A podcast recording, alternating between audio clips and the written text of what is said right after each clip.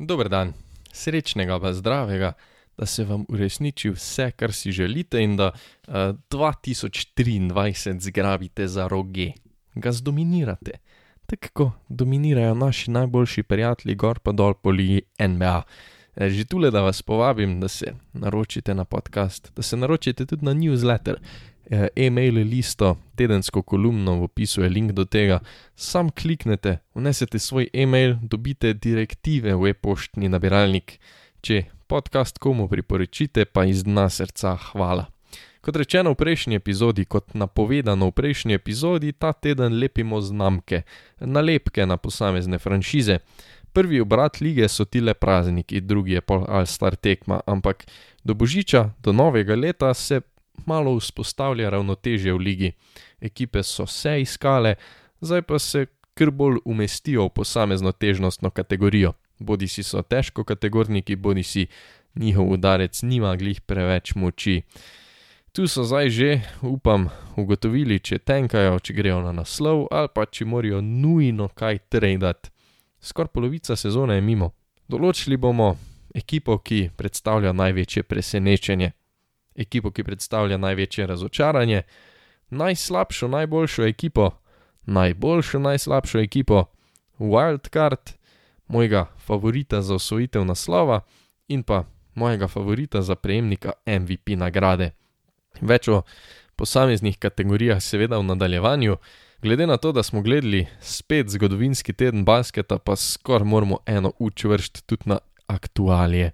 Inflacija točk je več kot očitna ker če smo še nekaj let nazaj debelo gledali, ko je en majster dosegel 50 pik, se zdaj zjutraj zbudimo, pregledamo, kaj se je dogajalo gor pa dol po ligi, vidimo, da ni noben capno 50 in zaspimo nazaj, ker smo ugotovili, da sanjamo.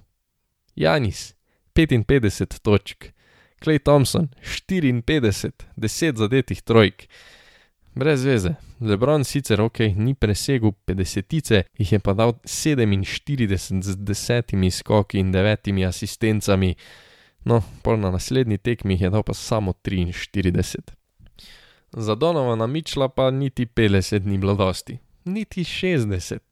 Donovan, Spida, Mičel, z 71 pikami v podaljšku proti Chicagu. Eh, z nadvse podobnim zaključkom rednega dela tekme kot Donkene, ko je falil prostega, pospravil svoj zgrešen med, da je izsilil overtime, wink wink. Spida je postal sedmi košarkar v zgodovini s 70 točkami in mu lahko samo zaploskamo. Potem malo bolj žalostna novica, Zion Williamson bo nekaj tednov odsoten zaradi poškodbe stegenske mišice, naj bi bilo vsaj tri tedne, eh, kar pa navadi pomeni še več. No, pa Kajri Irving je uprizoril putback dunk, kucno ga je po zgrešenem metu. In če veste, kako malo krat Kajri zabije, pol verjamem, da vam je ta informacija kar nor podatek. Dallas je v času snemanja na nizu sedmih zaporednih zmag, to je skoraj treba povedati. Eh, Dončić je postal tudi pričakovano košarkar meseca zahodne konference, 35 točk, 8 skokov in pol, 9 asistenc, 1,6 ukradene žoge na tekmo. Žalostno je eno, da more Luka tako igrati, da zmagujejo, ker vse je fora, da roko na srce sploh niso igrali proti kakšni res dobri ekipi. Tudi Houston, San Antonijo so komaj, komaj premagali. Uh, in Dallas, po mojem mnenju, to sem že velikokrat povedal, pa zdaj mogoče se je to malo porazgubilo, ker dejansko zmagujejo, ampak jaz mislim, da Dallas rabi trade. Uh, Christian Wood se kaže za ok, pridobitev kar dobro. Uh, če zadržiš še kakega Dinuidija, bodi si Torjena, Finja, Smita, super, to so res kvalitetni roleplayeri. Ampak glede na to, kako sezono ima Luka, kak Luka igra, bi mogli biti kontenderi, pa dala s tem kadrom preprosto ni. Zdaj, jaz mislim, da se pa na tej točki dejansko splača iti relativno na glavo, da pripeleš neka preverjene kvalitete, nekega drugega zvezdnika za obdončiča. No, zdaj ko smo s tradicionalnim Dallas Rentom zaključili, pa lahko zarežemo v jedro epizode. Pri vsaki kategoriji od prej naštetih sem zbral eno moštvo. Uh, itak sem jih torej na širši listi imel kar nekaj, tudi te nalepke, ki jih bom pač lepo za na te franšize, so itak subjektivne, ker bi lahko več ekip s čist korektnimi argumenti ustavili v isto kategorijo. Tudi magari razlaganje kategorije lahko malenkost ambivalentno, ne, ker si vsak posameznik malo drugače razlaga, ampak da ne bluzim. Prva kategorija največjega presenečenja je dokaj self-explanatory. Za mene so največje presenečenje prvega dela sezone Brooklyn Nets. Zanimivo je, kako lahko rečem za moštvo, ki ima praktično dva all-timerja, ampak če pa kaj, pa si nisem mislil, da se bojo Netsi letos sestavili. Pred začetkom sezone sem pričakoval mlačnost na plečih vse drame, ki jih pač neprestano obkroža. Durant je zaprosil za trade. Kyrie Irving je Kyrie Irving, Steve Nash nekako ni več znal handlati situacije, Ben Simmons je kao tretji zvezdnik in ima še vedno največ problemov sam s sabo. No, ta mlačnost, ko nismo vedeli, kaj bo, pa se je po dejanskem začetku igranja spremenila kar v komično katastrofo. Kajri je, kot pričakovano, bil Kajri. Obnašal se je nevedno in arogantno do nadvse občutljivih tem in pa se je kljub igranju velikega intelektualca delal butastega. No, pa so ga seveda benali, ni ga bilo, Nike ga je poslal v gulag, franšiza pa na suspens. Čez Durenta na tem mestu jaz ne morem nič kaj reči, uh, ni pol vleko neke trme, že od samega začetka je igral vrhunsko, tako da Kevin Durant aplaus. Steve Nash je hitro odletel kot gum s rajce, Ben Simmons očitno nikoli ne bo več igralec prvega izbora na naboru. V glavnem, franšiza je bila na začetku sezone uvita v tančico nemira. In pol so namestili Vinca Vona, ki je malenko spoštimal obrambo, dal vlogo Niku Claxtonu, vrnil se Kajri, bil je in je vroč kot vedno, KD dela svoje, in Brooklyn Nets so trenutno na drugem mestu vzhodne konference na nizu 12 zaporednih zmag. Prej kot to sem pričakoval, da razbijajo ekipo ali pa da vsaj menjajo Irvinga. In kot sem rekel, ne, tu so zdaj neci največje presenečenje za me, za mene osebno. V to kategorijo bi lahko dal naprimer tudi New Orleans, ki igrajo noro, ampak jaz sem jih imel že pred začetkom sezone nekak Dark Horse contenderja. V glavnem, neci so me šokirali. Razočaralo me je pa kar neverjetno veliko, ogromno moštev. Dejansko sem imel največ dela izbirati največje razočaranje sezone, ker jih je tako velik. V širši izbor so prišli tudi Lakersi, ne toliko zaradi same igre, to smo nekako vedeli ali pa lahko pričakovali, da z rasom ne moreš. Razočaralo me je vodstvo, ki še krp vztraja pri tej polomiji. Razočarali so me tudi Raptorsi, ki so vedno trdni, letos pa ne gre. Da bolečine Bullsov iz Chicaga sploh ne omenjam.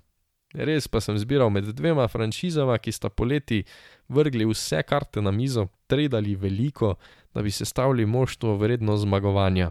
Na koncu se pa nisem odločil za Atlanta Hawks, ker čeprav mi je bil trade všeč, je že takoj bilo jasno, no, da fit ni najboljši, pa bo treba kar veliko uigravanja, če dejansko hočejo kaj narediti. Največje razočaranje prvega dela sezone pa so za mene Minnesota Timberwolves.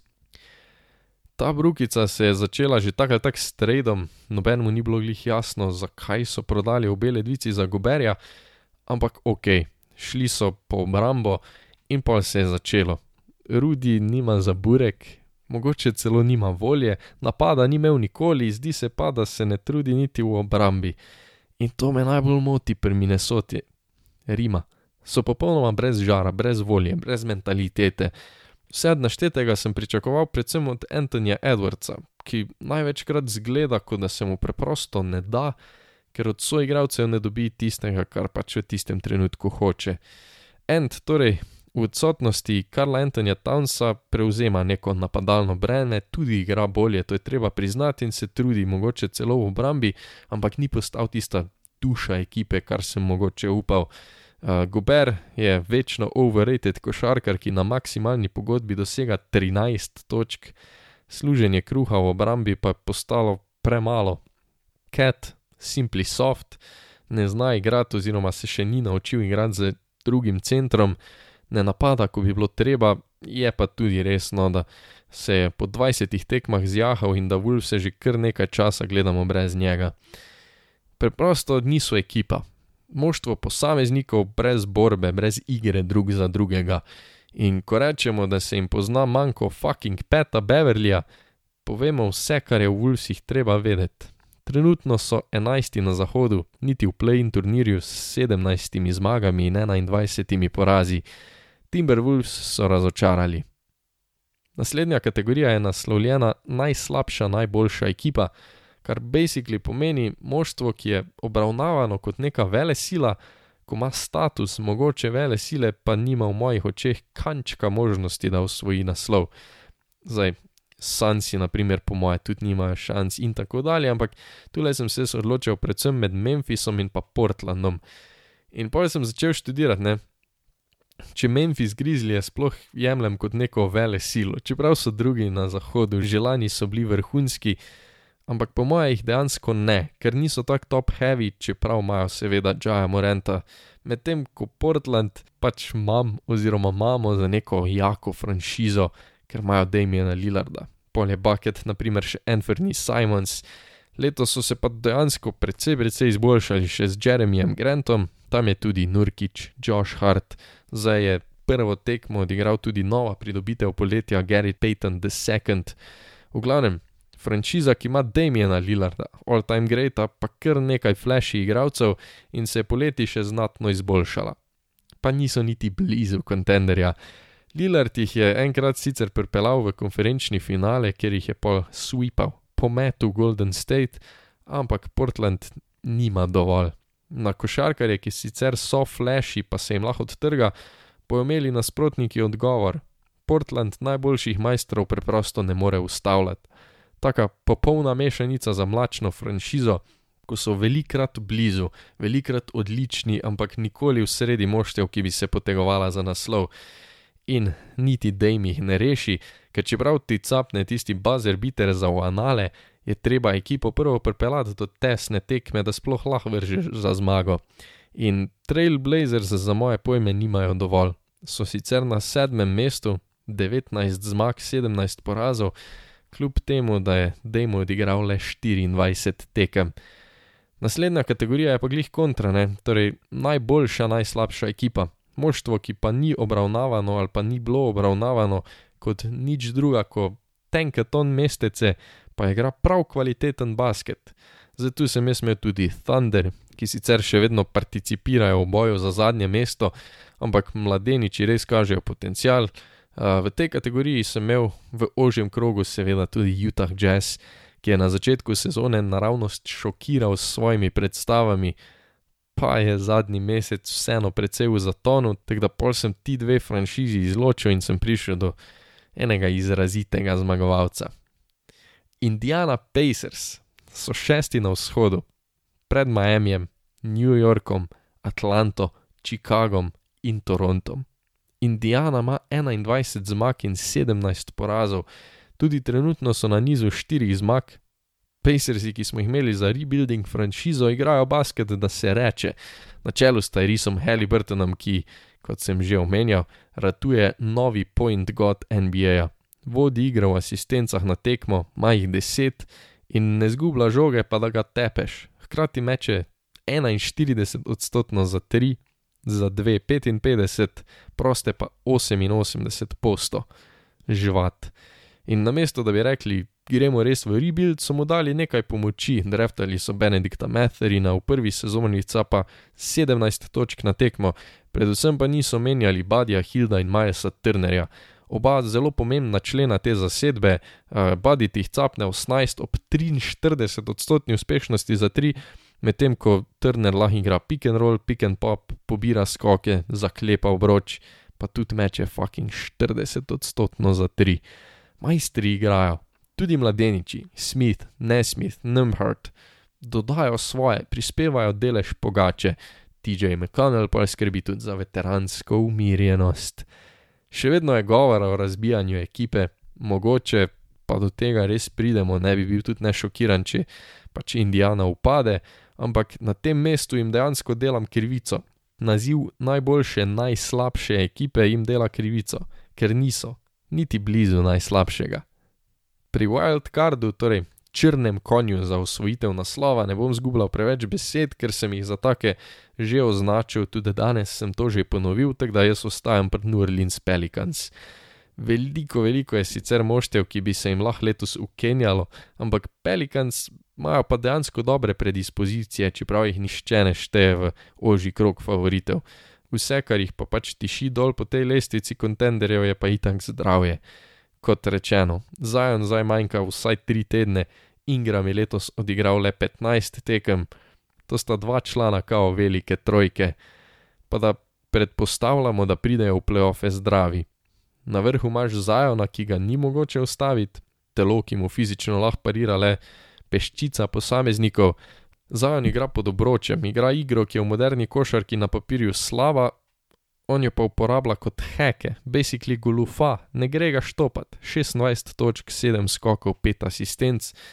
No, in medtem ko se bo nasprotnikova obramba obadala z goro Zajonovih mišic, uletita Ingram in McCollum, izjemna skorerja, ki v povprečju dodata okoli 20 točk, oba pa sta jih sposobna nasuti 40.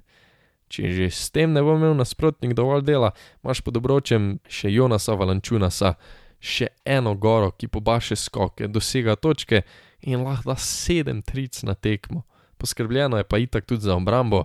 Herb Jones, mlad košarkar, je all NBA kaliber obrambnega basketaša, Hussein Varado je tisti nadležni majster, ko branilcu simpli ne pusti dihati, sklopiti kako žogo ukrade ali pa blokira kaj še Larry Nance. Pelikanci imajo vse. So v ožjem krogu favoritov? Ne bi bil hudo presenečen, če na koncu sezone pokale Larryja O'Briena Roma v New Orleans? Pa tudi ne. Kam pa mislim, da bo Romal? Ja, v kategoriji favoritov za osvojitev naslova imam jaz tri franšize.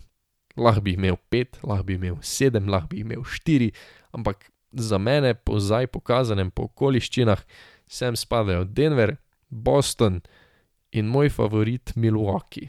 Ja, vem, Boston je bakse po tamanu, Boston je najboljša franšiza lige, imajo MVP kaliber igralca, ampak jaz še vedno mislim in ustrajam, da je Janis Antetokounmpo najboljši košarkar na planetu, čeprav ima v zadnjih tednih, mesecih resno, resno konkurenco. Eh, vsi vemo, kaj Ante da, da je eliten tudi v obrambi, ampak Paul Brook Lopez, letos drugo srce ekipe, zaklene obroč, 15 točk na tekmo, capa jih tudi Bobby Portis, 14 ping 10 skokov.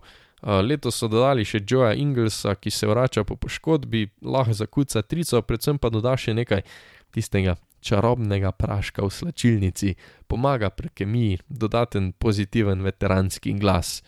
Drew Holiday ima vnovič solidno napadalno sezono, čeprav vsi vemo, da si pravi, da res služi v obrambi. Pol drugi najboljši ofenzivni košarkar Chris Middleton pa je letos odigral šele sedem tekem, ubada se s poškodbami, pa še na teh tekmah, ko je igral, ni bil glih pravi. Do končnice bi mogel biti, ampak tudi brez njega je Milwaukee pri vrhu lige, ker pač imajo Greek Freaka. In medtem ko Milwaukee ima neke rešitve za nasprotnike, se mi zdi, da nasprotniki nimajo dovolj rešitev za Milwaukee. Bi pa rekel, no, da upam na finale vzhoda Boston-Milwaukee, lanskoletna serija, ki se je končala z zmago Celticsov, s tisto sceno zlomljenega, žalostnega Janisa na klopi. To bi znala biti opasna zgodba, poleg tega, da sta po moje dejansko najboljši franšizi lige. In ja, no, vem, pak si po razmerju zmag in porazov pač niso, ampak je bat ga, občutek je občutek. No, na koncu pa še moj MVP favorit po pol sezone. Tule je lahko isto milijon in čist za vsakega se najde argument. Janis ima 32 pik, 12 skokov, 5 asistenc na tekmo, pa nam je to ratalo absolutno normalno. Jokič ima praktično enake predstave kot lani, sam da je njegova ekipa prva na zahodu. Tatum jih na tekmo capne 31, igra za najboljše moštvo lige, mogoče mu malo zame celo Jalen Brown, ki jih na tekmo tudi nasuje neverjetnih 27. Durant, Curry, Embiid, komorkoli od teh daš zele MVP-ja, pa se najde argument, pa ne more noben reči, da je bilo nezasluženo, ampak jaz ga bom dal Donkeju. Prvič, zato ker sem pristranski, drugič, zato ker si tega želim. zato ker ima neverjetno noro, bolano, ubijalsko sezono, pa še 80 postov vsega mora dejansko narediti sam, in ekipa dejansko je nekako prilezla do najvišjih mest konference. Če Dallas začne konstantno igrati tako in so ob koncu sezone, naprimer top 3 na zahodu, bi Luka mogel imeti šanse, take realne šanse, ker to, kar dela, je nerealno, predober za ta svet. Letos 34 točk, 9 skokov, 9 asistenc. Praktično je več odvisno od ekipe kot od njega, skrbi pa nas lahko ta napor, ker mora igrati skozi, mora igrati veliko minut in si basically naložiti cele Mavericks na hrbet. Bomo videli. Je pa to to za danes. Nalepke so nalimane, franšize pa se ubadajo z vprašanji obstoja. Najbolj so me presenetili Brooklyn Nets. Največje razočaranje iz tekme v tekmo ostajajo Minnesota Timberwolves. Najslabša, najboljša ekipa so za me Portland Trail Blazers, ki nimajo šans za prstan. Najboljša, najslabša ekipa z lahkoto Indiana Pacers, Wildcard ostajajo New Orleans Pelicans, moj favorit za osvojitev naslova so Jelenčki iz Milwaukeeja, do konca pa bom stiskal pesti, da Luka Dončić osvoji MVP naziv. Hvala, ker poslušate Overtime. V opisu imate že omenjen link do e-mail liste, upišete svojo e-pošto in moj članek dobite direkt v nabiralnik vsak ponedeljek. Lahko me pofollowate tudi na Twitterju, tam sem Lukas Karlovnik, do vsega imate linke v opisu. Res cenim vašo podporo, ogromno mi pomeni. Vesel sem, če overtime komu priporočite, se naročite, če ga delite. Hvala. Beremo se v ponedeljek, slišimo se dan s teden, pa vso srečo pri novoletnih zaobljubah.